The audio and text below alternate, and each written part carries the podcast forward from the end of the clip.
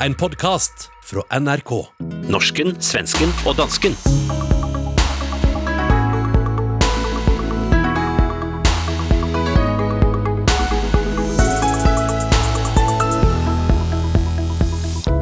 Statsminister Mette Fredriksen har kastet boksehandskene for å forsvare sitt eget embedsverk. Jonas Gahr Støre har eh, varslet at hans første statsbesøk vil gå til Sverige for å fikse op i betente sår, men svenske Greta Thunberg skaber skandinaviske bølger.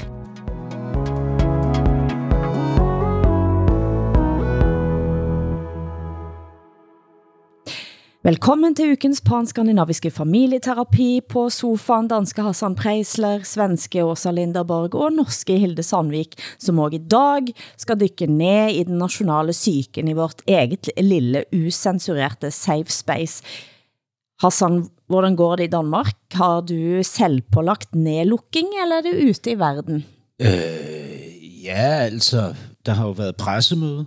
I ved, vores øh, statsminister har holdt et af sine Fidel Castro-møder, og øh, der kommer jo ikke en nedlukning, men der er nogle restriktioner nu, som vil blive indført. Coronapasset er tilbage. Mm. Det er fint. Altså, der var jo, øh, der foregik jo til det møde en sådan ret øh, intens debat mellem sundhedsministeren og statsministeren, fordi sundhedsministeren gav ligesom udtryk for, at øh, at man skal lade sig teste, hvis man har lyst. Øh, nej, undskyld, man skal lade sig vaccinere, hvis man har lyst. Ikke? Ja. Og der meldte statsministeren jo ret direkte ind, at, øh, at det her handler ikke om lyst. Altså, det handler om fællesskabet og ansvaret. Og så sagde hun, at nogle få mennesker ødelægger det for de mange. Og det er altså de få, relativt få procent af den danske befolkning, som ikke har lavet sig vaccinere, som i dag får øh, hvad kan man sige, skylden eller ansvaret for den stigende øh, smitte. Hvad tænker du om det? Altså, det er jo en, det, ja, det er jo en voldsom situation, ikke? Fordi, øh, fordi øh, altså, for ikke ret lang tid siden, så ville vi jo alle sammen have ment, at, øh, at en vaccine er et, øh, er et frivilligt projekt, og, og, det kan ikke handle om, at man skal øh, udskammes, hvis man ikke ønsker at lade sig vaccinere. Men sådan er det jo blevet nu. Mm. Men jeg, jeg tænker også på noget andet. Åsa blev jo fejret i går. Ja. Har, har, har du tømmermænd, Åsa? Tømmermænd, hvad betyder det? Altså tømmermænd. Tømmermænd. Har du ikke det i Sverige? Vad betyder det? Alltså jag, Uh, jag har någonting som heter baksmälla. Det som Ja. jag tror att på norska heter buteljinfluensa kanske. ja, det hedder, på dansk hedder det tømmermænd. Tummermän, okej, ja men då har jag det. Då har jag allt det här. Mm. Ja. Hvordan var det egentlig? Jag ska förklara vad jag blir. För jag, Aftonbladet Kultur hade fest och så blev jag avtackad. Eh, Det är länge sedan som jag avgick som kulturchef, men pandemin har legat emellan. Så det var första stora festen. Och det här är helt ointressant för alla lyssnare, men jag fick en väldigt fin present. Jag fick första, allra första utgåvan av Henrik Ibsens En folkefiende Nej. i gåva. Och det tyckte jag var så otroligt fint. Så jag är glad.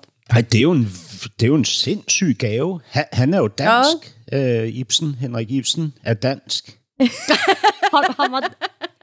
Men, men det man kan sige er at Henrik Ibsen og gav ut sine værker på Gyldendal i Danmark. Ja. Så dette er jo en gave fuldstændig i norsken, svensken og danskens ånd, Åsa. Det kan man säga. Det, ja. Men er du en folkefiende? Ja, de, eh, de menade ju det i alla fall. ja, nej men det var... Ja, jag är glad. Mm. Oh. Men eh, buteljinfluensa och, och tummeman och baksmälla har jag då. Ja. Men du har altså i mellemtiden sat fart på kommentarfelten i Norge med en kommentar på NRK Ytring om noget vi har snakket om før, nemlig skammen over at se sitt eget ansigt på TV. Mm. Hvilken reaktioner har du fått? Ja, det här är en text som går att läsa på NRKs hemsida som jag uppmanades att skriva. Och det tog mig några månader att göra det för att jag visste att jag kommer bara bli anklagad för att vara kokett.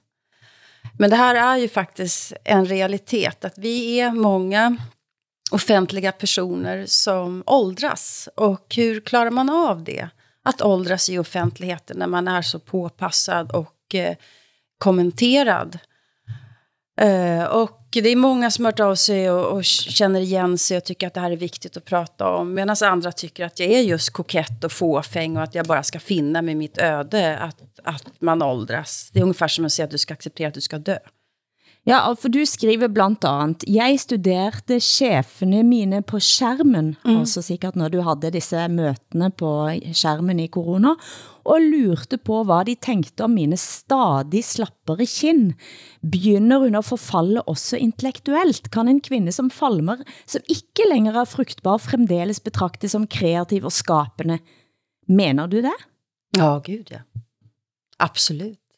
Det, det, det menar jag. Och eh, det ser jag också på de kommentarer som jag har fått under de här 20 åren som jag har varit eh, i offentligheten. Att de som inte tycker om mina texter, i början så sa de att, eh, att jag var en, en hora och bla bla och att eh, det skulle vara bättre ifall jag fick lite kuk, undskyld för språket.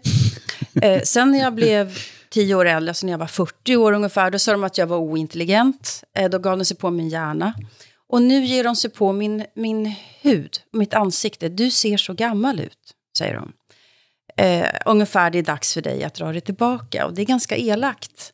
Men det här är ju en realitet. Även män blir kommenterade, men framförallt kvinnor faktiskt. Jag läste senast idag en, en intervju med skådespelarna i Sex and the City som nu med sin reunion bara får höra att de är så jävla gamla, fula russin och att de inte borde visa sig och så vidare. Det här är en realitet för oss som åldras i offentligheten. Varför ska man inte kunna prata om det?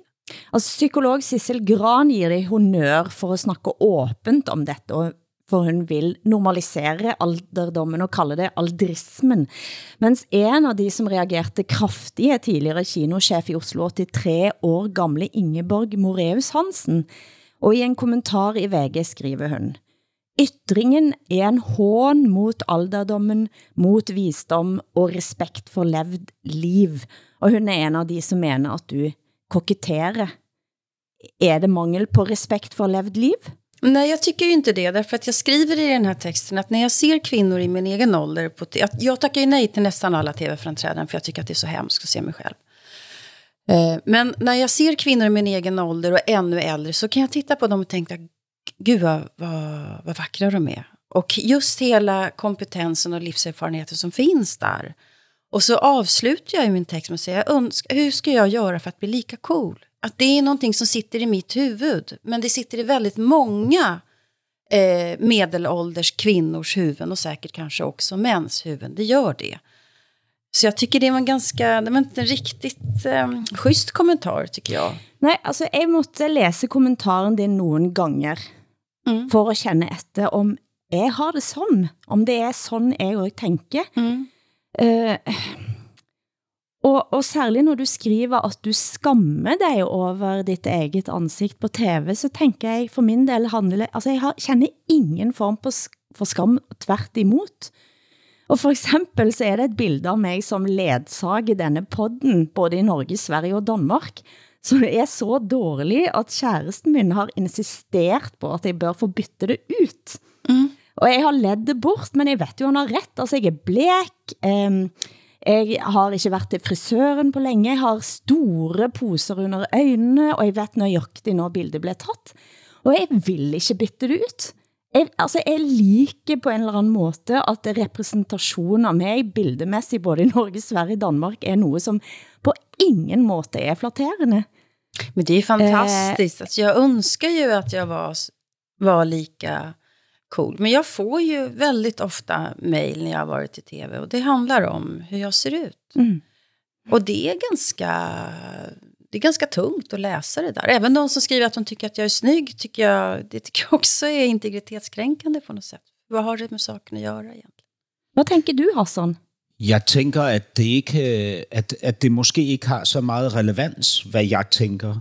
Hvorfor ikke det? Øh, øh, fordi hvis man tager de øh, undersøgelser, jeg har læst for gode varer, så er det sådan, at, at kvinder går til frisøren for andre kvinders skyld.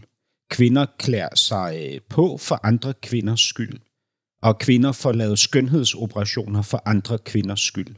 Altså, at det i virkeligheden ikke handler ret meget om tiltrækningskraft i relation til mænd, men at det handler om at man markerer sig øh, fysiologisk ind i kvindehierarkierne.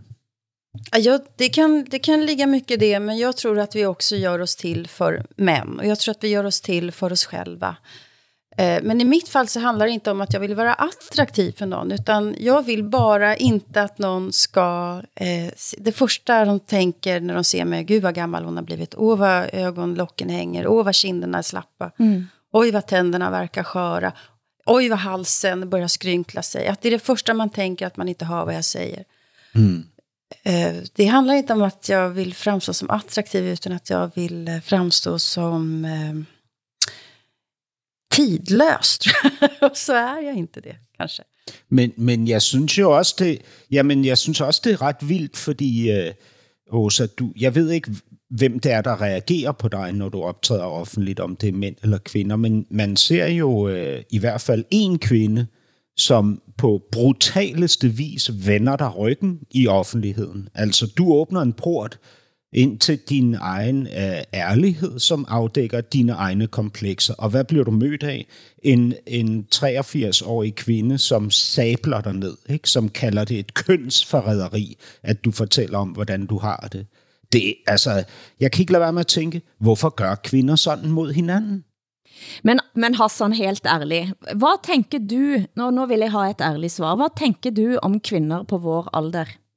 Jamen, jamen hvad, hvad tænker jeg om kvinder på jeres alder? Jeg tænker, at, øh, at nogle kvinder på jeres alder er utroligt tiltrækkende, og jeg tænker øh, om andre kvinder, de ikke er tiltrækkende, ligesom jeg har det med 20-årige kvinder. Altså, jeg, jeg, jeg, jeg tror, jeg tror simpelthen, altså, det, det er lidt det samme med skønhedsoperationer. Ikke? Jeg, har jo, jeg har jo samlet flokke af mænd, da jeg var yngre, hvor vi har talt om kvinder og kvinders kroppe, deres udseende osv. Og, og de her idealer med, med helt tynde kroppe og kæmpe store bryster. Ikke?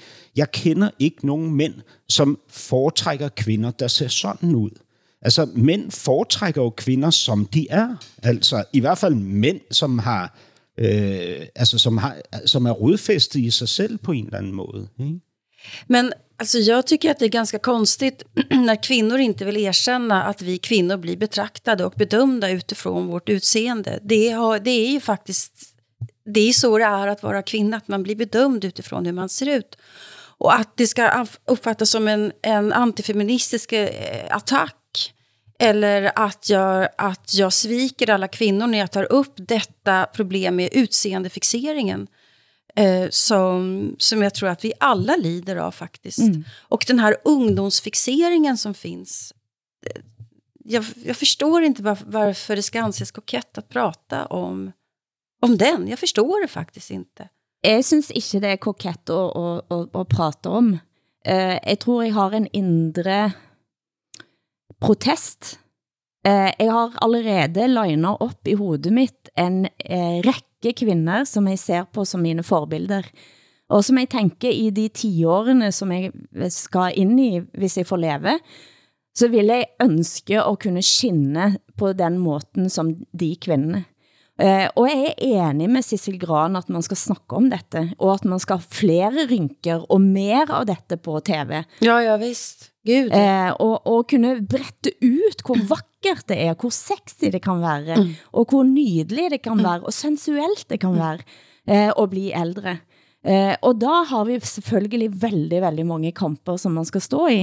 Uh, men det er en av de, som jeg tænker, ja, virkelig, jeg skal sætte hændene i siden og aldrig i hvert fall skamme mig over det. Jeg kan skamme mig, hvis jeg for eksempel skulle træne og ikke føle mig stærk, for jeg liker så godt at være stærk. Men at skamme mig, fordi at jeg blir äldre og mer interessant. Aldrig i livet. Nej, men det är bra. Nej, men jag tror att det här sitter i mitt huvud, men jag ska säga att det sitter i väldigt många kvinnors huvud. De tillbakameldingar som jag har fått på den här texten, eh, de är massiva, de är hur många som helst. Så att jag tar ju ändå upp någonting som kvinnor funderar på. Även oavsett om man tycker om min text eller inte. Mm. Så, så här, det här är någonting som vi alla funderar över. De som inte gör det ljuger, tror jag. Du hører norsken, svensken og dansken. Programmet blir sendt i Danmarks Radio, Sveriges Radio og Norsk Rikskringkasting.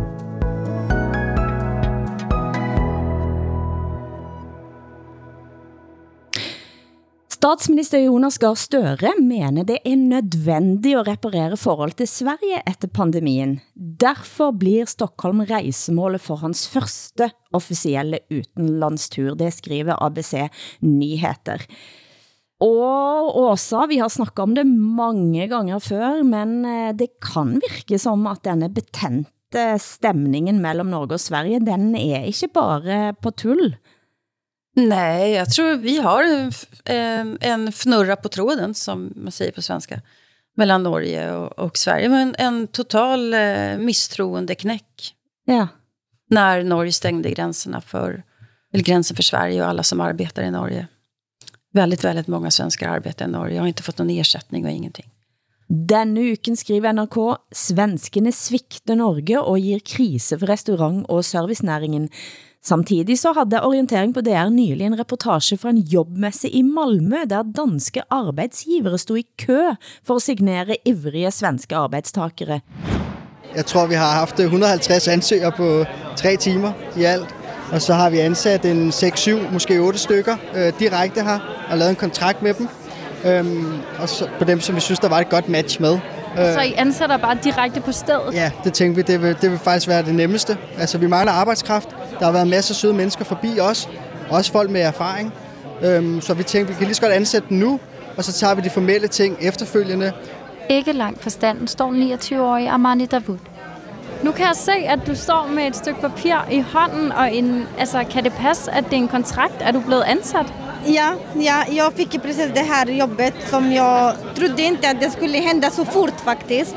Eh, det har hänt så plötsligt. Jeg hun fortæller mig, at hun lige er blevet ansat som rengøringshjælp hos Forenet Hotelservice, og at hun aldrig har arbejdet på et hotel før. Men hun glæder sig til at prøve noget nyt. Så her eh, kan det virke som at svenskene nå svigter nordmænd og hopper over til danskene. Er du glad for det, Hassan? Jamen, det er jo sjovt, at øh, Danmark og Norge ligesom handler svensker. Altså, så taler vi om, øh, hvor mange svensker har I. Når svenskerne ikke til Norge, så må de komme til Danmark altså, og arbejde her i Danmark. så kan de tale dansk på den her måde. Sådan her taler de dansk på de danske restauranter, når de skal tale dansk, svenskerne. Men det er jo så koselige. Der er så mange svensker i Danmark, som arbejder på restauranter og ja. i stormagasiner. Og så. Ja, det er det. Ja. ja. Ja, men det är, svenskarna är Nordens ompalompier. Vi finner os överallt. Det er jo helt vildt godt for Danmark, fordi der er simpelthen ikke... Altså, forholdene i restaurationsbranchen i Danmark er så elendige, at danskere ikke vil arbejde på restauranterne, og, og, og derfor er det altså selv... De er stenhårde i Sverige også. Jamen, ja. Og selv Michelin-restauranterne har svært ved at skaffe personale, ikke? Så det er jo mm. godt, at vi kan få noget billig arbejdskraft øh, øst, østfra. Ja. ja, just det. Oh, men Åsa, hvis du skulle vælge, hvilke land ville du dra til for at jobbe?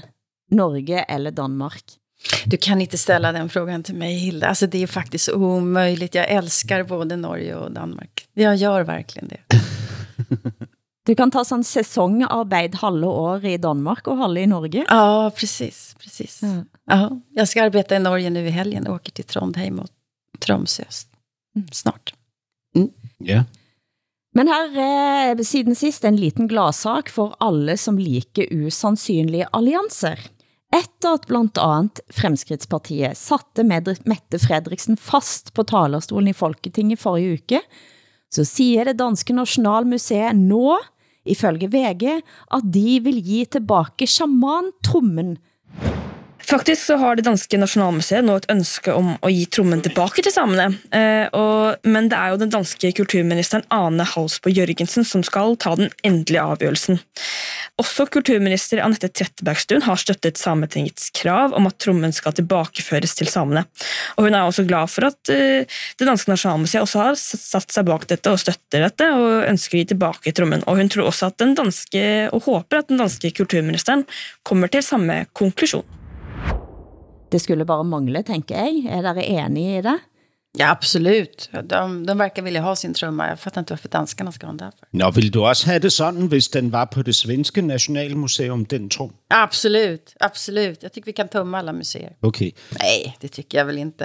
Jamen altså nu, jeg har jo set den tromme nu. Mm. Jeg synes, øh, jeg, og jeg synes, det er fint, den øh, kommer tilbage. Altså, øh, jeg er glad for, at jeg nåede at se den.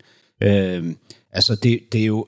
Prøv, prøv at høre, der, det er jo en svær diskussion. Ikke? Det er mange år siden, den øh, kom til Danmark, den tromme, men den kom vist øh, angiveligt under nogle, øh, nogle lidt uheldige vilkår til Danmark. Det vil sige, at den blev taget fra en, Det kan man sige.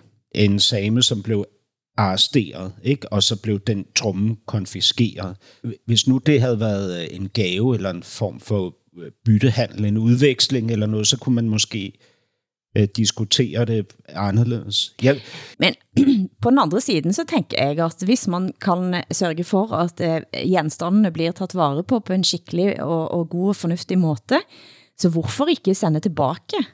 Altså, hvorfor skal man insistere på at beholde genstander, som andre føler, at det var, det var deres eje? Men det är, det är fantastiska tankeexperiment om man skulle tänka på British Museum, att man ska ge tillbaka, de skulle ge tillbaka allting. Mm. Så, så skulle man tvingas stänga det museet. Ja, ja, ja, varför inte? Då får, man, då får man åka till Egypten och titta på de där grejerna istället. För det är inte så att man inte kommer kunna se dem. Ja, i den Ja, grad eh, man... Men samtidigt så, så sörjer jag ju ett av mina, i så fall, alltså det är ju ett av de bästa ställena i hela världen i British Museum. Så, Ja, så det är väldigt dubbla känslor. Mm. ingen tvil. Men Åsa, er det noget nyt om hvem som blir ny statsminister i Sverige? Ja, det går undan, det går undan här nu. Eh, men så att jag vet inte när programmet sen så kanske det jag säger är helt inaktuellt. Men i pratande stund så är det så att Magdalena Andersson kommer inte att släppas fram ifall hon inte sätter sig ner och pratar med Vänsterpartiet. För det har de krävt. Ah. Ja, så det är ganska spännande fortfarande. Og hvilken konfliktsaker går det på bostadspolitik, for eksempel? Nå, det, ja, det går på, eh, höjda pensioner och mer pengar till vården bland annat kräver de. Och sen så krävde Vänsterpartiet också frågor som hade att göra med arbetstryggheten och eh, alltså det som heter LAS. Men där tror jag att facket sviker Vänsterpartiet. Så ser det ut just nu. Men det här kan vara helt inaktuellt om bara tio minuter. jeg synes, det er interessant, hvor, altså, hvor, hvor øh, rolig, altså øh, hvor lun øh, Åsa og andre svensker virker, øh, på trods af, at de ikke har nogen regering.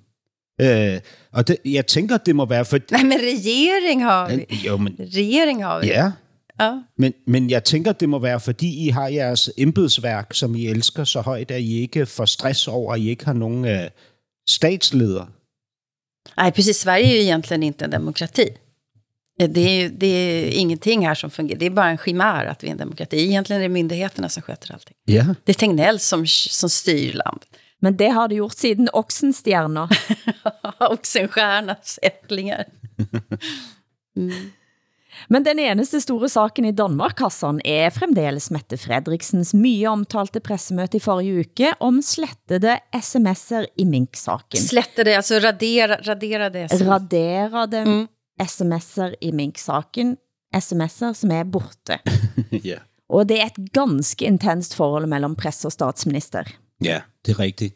Her er det to narrativer mindst. Ja, der er jo øh, regeringens narrativ, som handler om, at der er blevet begået nogle fejl, men øh, i en stresset tid med et stort pres øh, på nationen, der øh, er det naturligt og klart, at man vil begå fejl, og de fejl skal naturligvis tilgives, ikke? fordi det er ikke væsentlige fejl. Man var i gang med at redde en nation og beskytte en masse sårbare mennesker mod en dødsensfarlig virus. Ikke? På den anden side er der et narrativ, som er, altså som jo er, øh, ja, ja, som er, at, at her har vi en magtfuldkommen, halvfascistoid regering med en regeringsleder øh, og med et, øh, et apparat under sig, som øh, lyver og tildækker og manipulerer og fordrejer og sletter sms'er og, og, øh, og skjuler sandheden og lyver og, og fortæller usandheder osv. Ikke? Det er jo ret vildt. Altså, det, det, hvis, man, altså, hvis man ikke tilhører den ene af de to fløje, så føles det øh, at, at være tilskuer til det som at være øh, skilsmissebarn. Ikke? Man står jo med, med to forældre, som forsøger at forklare en, at de kender sandheden. Ikke? Og jeg må indrømme, hvis jeg ikke tilslutter mig den ene retning, ikke? Øh, så, så føler jeg mig øh, som, et, som et dødsens forvirret skilsmissebarn, som simpelthen ikke aner, hvad der foregår i den her verden. Ikke? Øh, og derfor så træffer jeg nogle gange en beslutning, og så bliver jeg meget mættekritisk eller mætte tilgivende, ikke? Altså, tror jeg. Jag var i Köpenhamn i helgen på, på bokmässan där och eh, de då danska kollegor som jag pratade med, de sa att eh, Mette Frederiksen sitter illa till faktiskt eh, med de här sms. Men jag funderar på... Alltså illa till att hon sidder skröpligt? Att, att, ja. Att, eh, ja, att det, ser, att det ser inget bra ut för henne det här alls. Det, det hade det inte gjort om det hade varit en svensk statsminister heller i den här situationen. Så det är inget konstigt. Men jag funderar över, är det så kanske att hon... Är det så att hon skyddar sina tjänstemän? Eh, med det här. För det skulle, jag, är det inte så att hon har gått ut och försvarat sina tjänstemän? Och det kan jag säga imponerar lite på mig. För att det är väldigt vanligt att sådana här höga eh, människor på så höga positioner offrar tjänstemännen eh, för att själva sitta kvar eller liksom ha kvar sin status. Och hon kanske inte gör det. Hon kanske skyddar sitt arbetsteam här. Kan det vara så? Då tycker jag hon ska ha en stjärna i kanten för det. Jamen, problemet er jo... At, at dele ansvaret. Helt klart. Altså, hvis det, hvis det er sådan, ikke? Øh, men der, der er jo også... Altså, prøv at høre, der er også... Øh, nu er jeg ret ærlig. Øh, der er en tendens til, at man som et menneske som mig, i en position, som jeg har, skal være meget kritisk øh, i forhold til lige præcis Mette Frederiksen, fordi hun er den her kontrollerede personlighed og, og kontrollerende statsminister. Ikke? Så jeg, jeg, jeg tror, at jeg indtager en kritisk rolle til hende af forventning. Ikke? Fordi hvis man ikke gør det, så er man en idiot. Ikke? Så er man, så, så er man, øh, jamen, så er man, hvad er man underlagt? Så, man, så, så tror man på hendes spin ikke? Så man underlagt den her magtfulde kvindes bedrag. Ikke? Og der er sikkert også, når jeg siger magtfulde kvinde, så er der også et element her, som øh, jeg også skal være ærlig omkring. Ikke? At jeg som mand øh, har en statsminister, som er kvinde og yngre end mig. Ikke? Men det tænker du vel ikke på, Hassan? Det skiter du vel i? Al, allerst, aller inderst inde, Hva? jamen aller inderst inde, har det en påvirkning på mig. Jag kan... Nej! Jamen... Get used to it. Alla kommer snart att vara yngre än du på alla positioner. ja, men alle kommer ikke til at være kvinde, Åsa. I alle positioner. jag står inte ut med det här, orkar inte. Du skämtar eller? Eller är Nej, jeg, prøv at høre. Det er fordi, jeg har set et billede. Samtlige af de mænd, som lige nu kaster sig ud i den her intense krig med Mette Frederiksen, de er chefredaktør på landets største aviser. Politikken, Information, Berlingske, Ekstrablad, you name it. Ikke? Magtfulde mediemænd. Og, og jeg, jeg synes ikke, at jeg før har oplevet en så intens konflikt mellem medierne og magten. Okay, så kan jeg sige, at det handler om Mette Frederiksen. Det er hendes skyld, fordi hun er så kontrolleret, og hun manipulerer medierne, som hun gør. Ikke? Det kunne jeg godt. Men jeg er jo også nødt til at undersøge, om der ligesom er noget inde i mig selv i relation til det her kønsperspektiv, som jeg ignorerer. Ikke? Fordi, prøv at høre, hvis jeg er ærlig, så har jeg mega mange problemer med kvinder. Altså per automatik i udgangspunktet. Ikke? Men det er jeg også, Hassan. Ja. Og, og, og derfor har jeg jo selvfølgelig også problemer med magtfulla kvinnor. Jo, men jag har problem med kvinnor som inte, inte kan granska eller kritisera andra kvinnor därför att de är kvinnor. Alltså det, det, det är ett sätt att utöva sin kvinnlighet på som inte passar mig överhuvudtaget. Eh, men vad jag tycker är så intressant med frågan om Mette Fredriksson, har vi pratat om förut, men jag måste återkomma till den, det är ju hur medierna väldigt länge byggde upp hennes monument fullständigt, totalt okritisk journalistik och sen nu så, så springer alla efter henne. Varför? Jo, därför att medierna är opportunister. Eh, springer på samma boll, kommer med samma perspektiv. Oavsett om vi är män eller kvinnor. Mm. I forlængelse av det også, så er det et andet perspektiv, og det er jo netop at politikere, når de får medierne etter sig på den måten, begynder at sno sig og lægge sig flat, ah, ja. eh, har masse ko kommunikationsfolk rundt sig, som siger Yes. de rette tingene at sige, og det jeg må indrømme, at jeg begynder at få ganske sans for, at Mette Fredriksen ser ud til at være totalt uberert av krav om at lægge sig flat Ja, ja. Det er dette hun tror på, får jeg en følelse av. Uh, og jeg, jeg har også en fornemmelse av at hun kanskje kan ha kunsten at krige uh, på nattbordet sitt. Hun venter på at fienden skal komme flytende ned over floden. Det tænker jeg, når jeg ser Mette Fredriksen nå. Uh, og, og denne hashtaggen lev med det, som kom op efter pressekonferensen. Jag förklarar för oss i Sverige, vad är det där lev med det? Vad är det hon har sagt?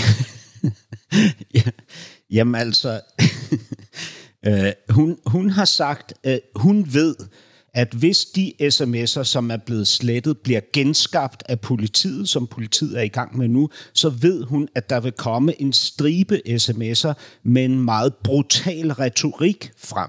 Ikke? Aha, okay. Øh, allerede nu så er der en embedsmand, som øh, i en sms har skrevet om minkbranchen, har han skrevet, luk lortet. Ikke? Som en kommando mm. til en anden person, en modtager. Lock, lort, alltså stäng smutsen eller skit, lägg ner skiten.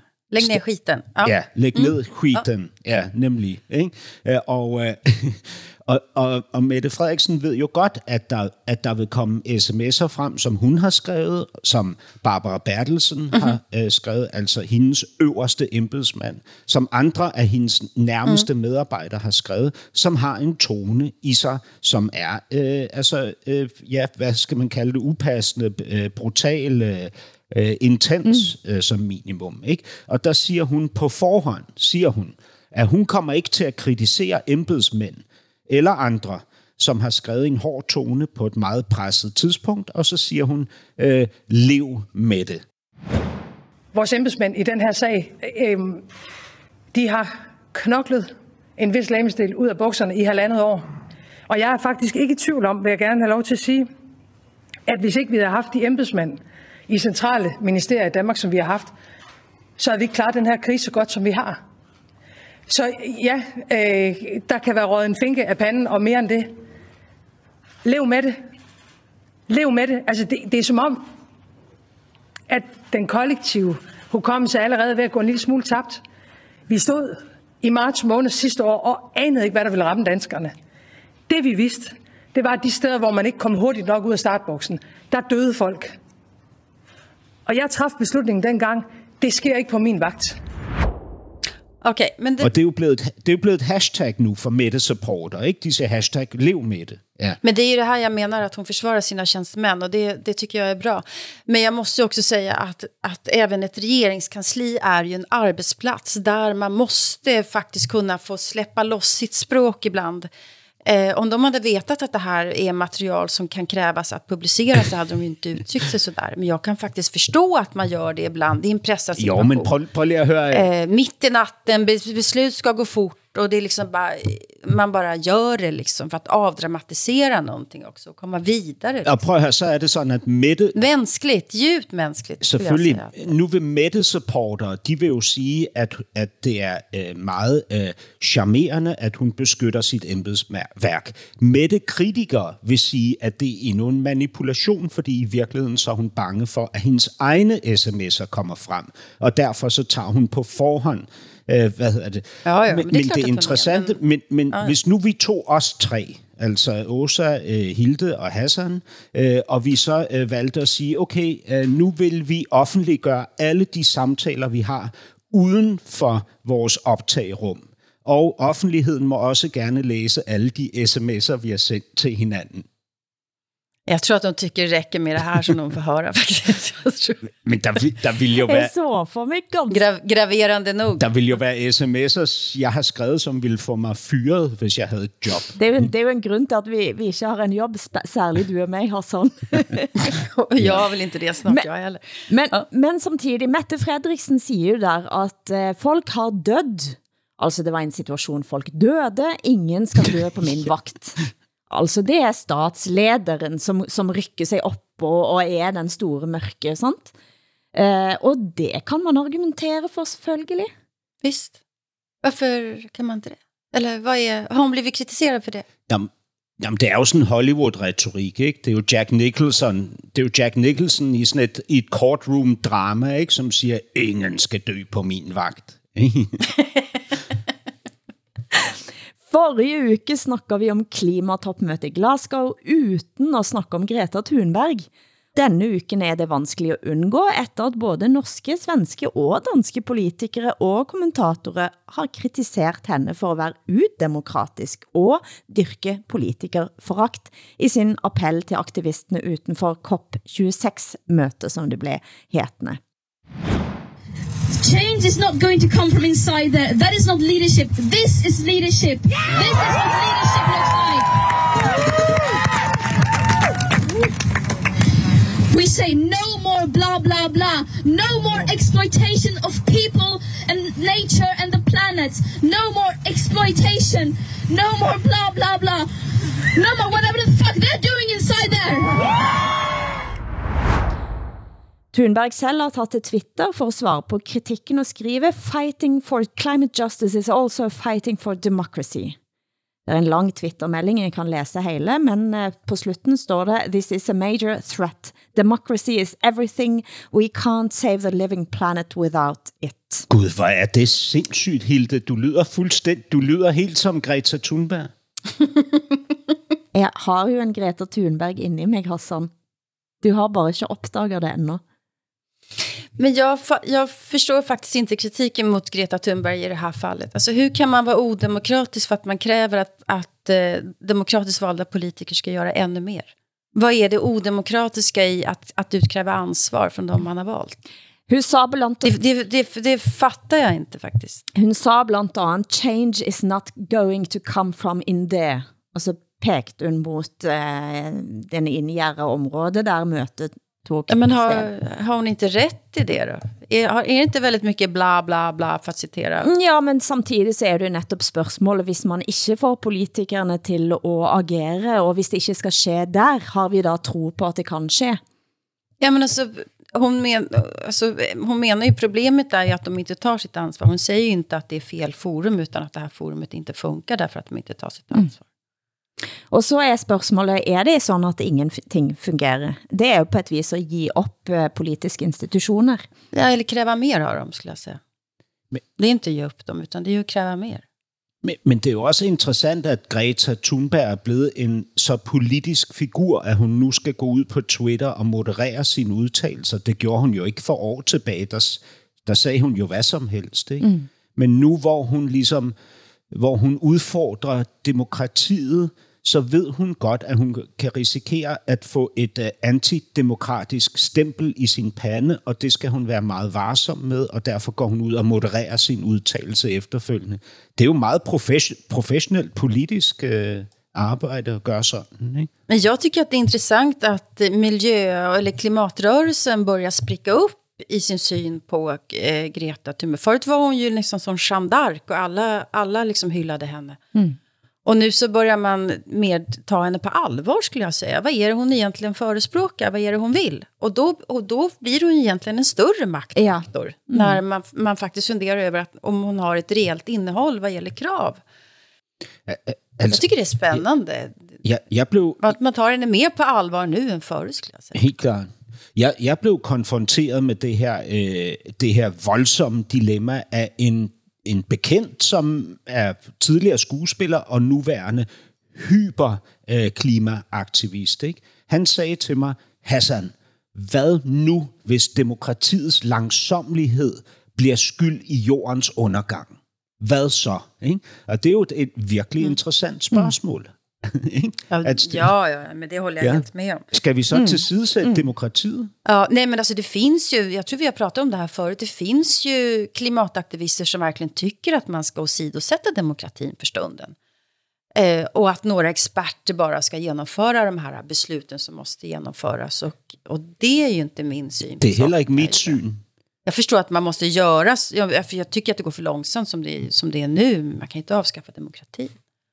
Vi var så vidt inde på kärnekraft som en løsning forrige uke, Og jeg lover dig også at tjekke Norske Miljøpartiet De Grønnes syn på kärnkraft. Ja! Og du hørte ret. De er pro kärnkraft. Er det sant? Jeg kan citere fra netsiden. De grønne mener at moderne kärnkraftteknologi har en vigtig rolle i det grønne skiftet. FN's Intergovernmental Panel on Climate Change slår fast at noget økt bruk av kärnkraft som energikilde på global basis kan bli nødvendig der vi nå skal nå klimamålene i tide. Eh, og de siger at det de først og fremmest er for, er forskning eh, på eh, kernekraft, kärnkraft eh, for at se hvordan det kan indgå. Eh, og hvordan er det sammenlignet med Miljöpartiet i Sverige også? Alltså, eh, Miljöpartiet i Sverige grundades på grund av den här eh, kärnkraftsomröstningen som vi hade eh, 1980. Det var eh, besvikna socialdemokrater som ville avskaffa kärnkraften som grundade Miljöpartiet i, i Sverige. Och vi hade ju den här omröstningen i Sverige, man kan säga mittemellan Harrisburg och Tjernobyl. I, alltså vi är medvetna om eh, i min generation hur farlig kärnkraften kan vara. Min mamma hon var så här, linje 3-general i Västerås mot kärnkraft och så.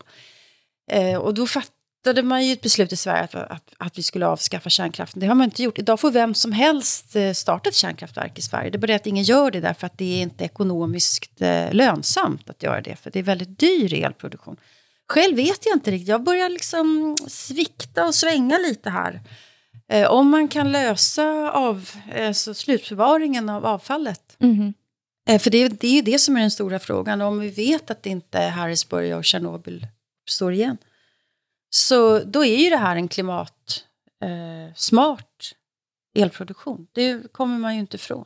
Nej, altså jeg, Jag trodde aldrig jag skulle säga det här, men jag hoppas inte mamma hör mig nu. nej, jeg, og, og jeg har det på samme måde med mine forældre, ikke? Fordi jeg har jo, altså fra, fra, øh, altså fra jeg kunne bæres på armen af min mor, har jeg været til atomkraften nej tak demonstrationer, ikke? Så det er jo også sådan nærmest øh, et genetisk spørgsmål for mig, men jeg har alligevel læst og lært så meget om moderne atomkraft, at jeg i dag er en stor tilhænger og simpelthen ikke mener, at den grønne omstilling kan komme til at foregå på et hurtigt og troværdigt nok niveau uden kernekraft. Ikke? Øh, og, og lige nu der er Tyskland i gang med at lukke seks kernekraftværker. Ikke? Det kommer til at koste så mange milliarder euro, og mere end 1000 mennesker om året, i, øh, som, øh, som vil dø af, øh, i konsekvens af det her, fordi Tyskland har ikke noget andet valg end at skrue op for sin kulkraftforbrug, eller sit kulforbrug. Ikke? Og, øh, øh, der, er, der er ikke andet at gøre. Man kan slet ikke indhente det her med vind og vand. Alltså det är ganska dyrt att driva kärnkraftverk också och lappa och laga dem som, som vi gör i Sverige. Också själva uranbrytningen eh, kostar ju en massa koldioxidutsläpp också. Men jag, jag tror ändå att man som klimatvän eh, eh ska ta den där frågan under omprövning en gång till faktiskt. Mm. Nej, altså jeg så danske Berlingske skrive på lederplads for nogle uker siden at, citat, det er uforståeligt, at atomkraft som CO2-fri og stabil energikilde ikke indgår i overvejelsene. Tror dere på et folkelig eller politisk skifte i vårt forhold til atomkraft uh, her? Altså, problemet er jo, at... Ja, jag vet inte. Alltså, när, när elpriserna blir så här höga som de är nu, eh, när, om det här gröna skiftet kostar så mycket för enskilda hushåll, att elen blir så dyr, Mm. då kanske. Al- Altså problemet er jo, at der, det, det er jo, altså klimaet er jo en klassisk venstreorienteret dagsorden. Atomkraft er en klassisk højreorienteret dagsorden. Ikke? Og det er jo derfor, der sker et clash. Men man har jo før set, at de to, to ting kunne fusioneres. Ikke? For eksempel i forhold til, jamen i forhold til, lad, lad, lad os sige, i forhold til, til øhm, altså til MeToo-bevægelsen i, i Danmark nu, ikke? så har det jo været den borgerlige ordentlighed, der har fusioneret sig med et ønske, et revolutionært ønske om kønsmæssig ligestilling, ikke? som har gjort, at der faktisk øh, på nogle MeToo-områder er sket noget helt formidabelt. Ikke? Så måske også på dette område, hvem ved? Du hører norsken, svensken og dansken i SR, DR og NRK.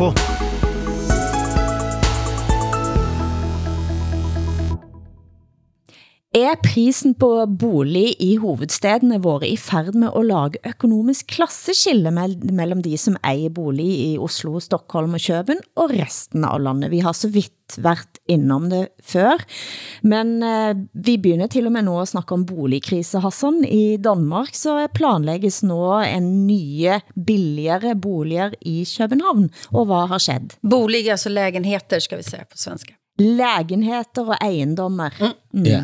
Øh, man har planlagt at, øh, at bygge på den øh, store slette, der hedder Lærkesletten på Amager. Amager er der, hvor Københavns Lufthavn ligger. Øh, og, øh, og, og så har man planlagt at bygge en kæmpe stor kunstig ø uden for København, som skal hedde Lynetteholmen.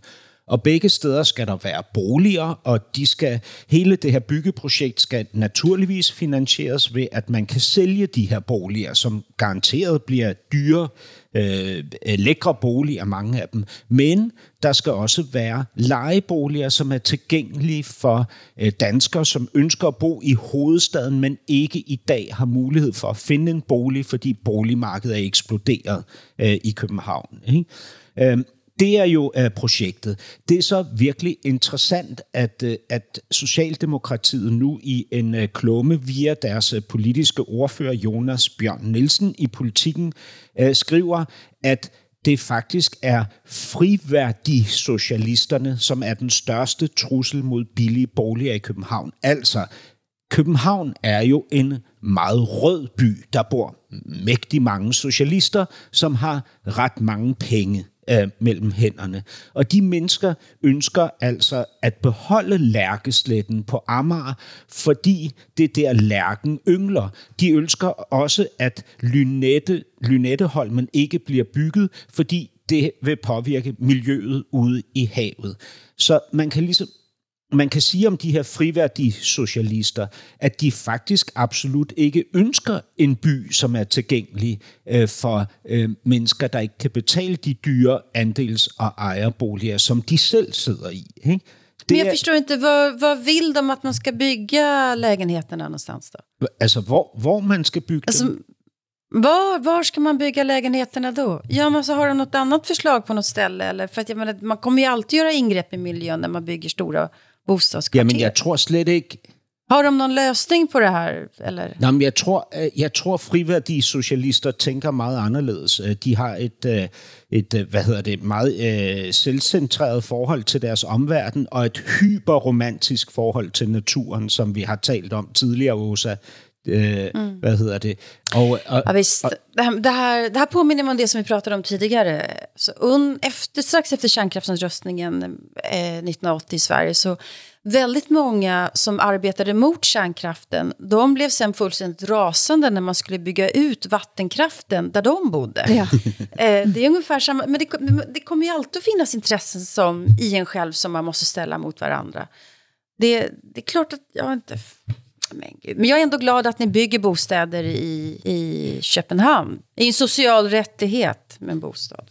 Ja, men det er, det er sådan et demonstrativt hyggeleri, det her, ikke? Som, altså, som, jo, jamen, som jo lige pludselig gør, at jeg, at jeg godt kan lide Socialdemokratiet, fordi... Ja, selvfølgelig gør det det. altså, ja. Du bor jo midt i København selv.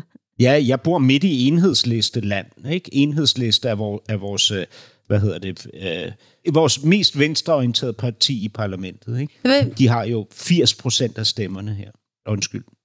Det var intressant där som du tog upp Hilde tidigare i, i våra program. Och som, alltså bostadsmarknaden den är, ju, den är ju otroligt viktig för alla människor. För det är ju en social rättighet. Men alltså hur, hur Oslo på väldigt kort tid har blivit en klassdelad stad på grund av om man kan göra bostadskarriär eller inte. Mm. Och det ser vi ju i Stockholm också. Alltså, sen 90-talet så är inte bostaden en grundläggande social rättighet längre. Utan det är någonting som marknaden ska sköta och inte staten eller kommunala. Och här har man ju byggt alldeles för lite, alldeles för långsamt och alldeles för dyrt. Det är ju unga människor, låginkomsttagare eller pensionärer som inte har råd att byta den bostad de bor i och sådär. Och det här är ju en jättefråga som, som aldrig ställs på spisen som ni säger i Norge i ett val. Då kommer alltid bostadsfrågan bort. Og jeg tror det er fordi at veldig mange sitter på bosteder, der man faktisk kan bare bestemme sig for at la være at jobbe, og alligevel tjene penger, for man blir altså så rik av at eie en lejlighed eller et bosted i Oslo. Eh, også de andre byene, men særligt i Oslo, og de, de avstandene har økt og økt og økt, og det jeg ikke forstår, er at Oslo ikke har lært av Stockholm. Mm. Eh, jeg snakket med en ung somalisk kvinde her om dagen, som er, er altså eh, opvokst i Lier utenfor Oslo, men kender veldig godt til det som sker i Oslo Øst. Og hun sa, ok, hvis jeg er en eh, firebarnsmor og bor i Holmlia, jeg ser at alle guttene begynder at dele dop, eller begynner at begå kriminalitet. Jeg vil aldrig nogensinde ha råd til at flytte ut av Holmlia. Det er faktisk det eneste sted jeg kan bo. Mm. Uh, og det, den type historier har man jo hørt mange av fra Sverige over tid. Og jeg forstår ikke alle de velmenende venstresidefolkene jeg kender i Oslo centrum med steindyre lejligheder. De sitter og har skylapper på foran øjnene sine med en gang vi begynder at diskutere dette. Men här måste jag försvara den svenska vänstern faktiskt. För det här som Stefan Löfven var tvungen att avgå på. Det, det var faktiskt den här eh, bostadsfrågan. Men det finns ytterligare en dimensioner här och det är att det har blivit en politisk fråga om man, har, om man kan skilja sig eller inte längre. För att man, man sitter ihop med dyra lån eller man har inte möjlighet att få en annan lägenhet. Så man kan inte separera. Att människor lever ju ihop utan att tycka om varandra längre. Och barn kan inte flytta hemifrån. Alltså det här är makalöst att det här aldrig blir en avgörande politisk fråga i ett val. Men jeg kan, jeg, før jeg nå får kæft fra nogen av mine venstreside venner i Oslo, som, som er veldig optaget av bostedspolitik, så snakker ikke jeg bare om politik nå, men jeg snakker også om holdninger til de som bor og lever i eh, lejligheder, der de selv ser selvfølgelig at de vil være gode for mange millioner. Eh, I går var det en som sa til mig, du kan sælge en ettrumslejlighed i Oslo og få råd til at bygge en bydel i Nord-Norge? Jamen altså, det, det der inkluderende ideal, det er jo det letteste i verden at tilslutte sig. Ikke? Den inkluderende praksis er så svær. Ikke? Øh, og, og, øh, og her i denne her sag, der er venstrefløjen i København mere optaget af lærker, øh, delfiner og sæler, end de er af at der øh, kommer til, kan komme til at bo flere mennesker i København med almindelige indtægter. Ikke? Og det synes jeg er bemærkelsesværdigt. Men altså også ABBA er ute mm. med plate.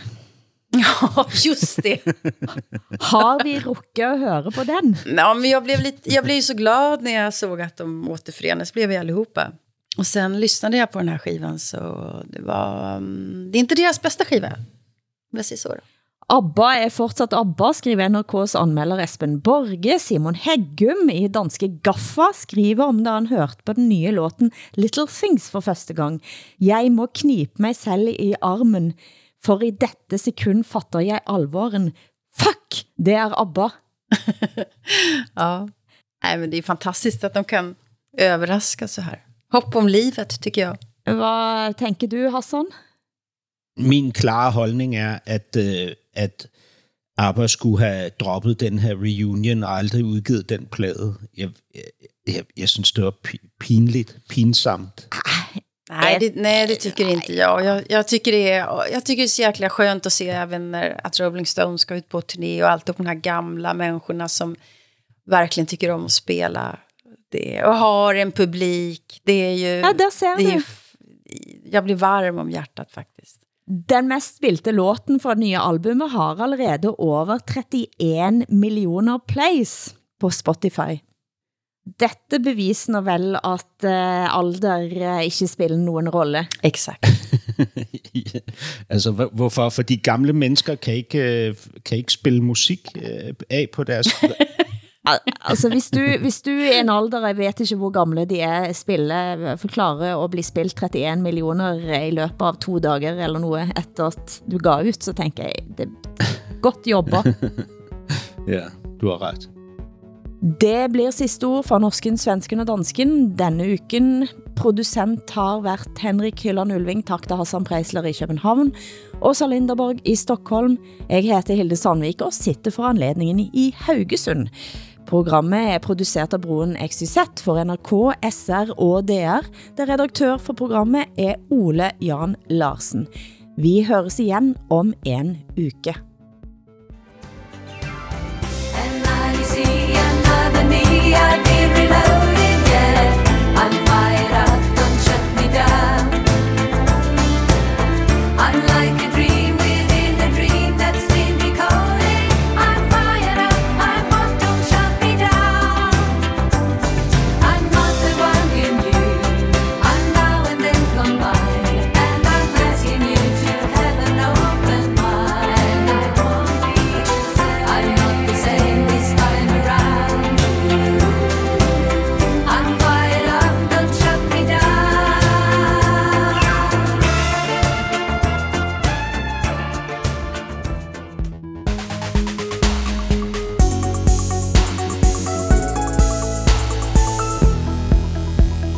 Du har hørt en podcast fra NRK.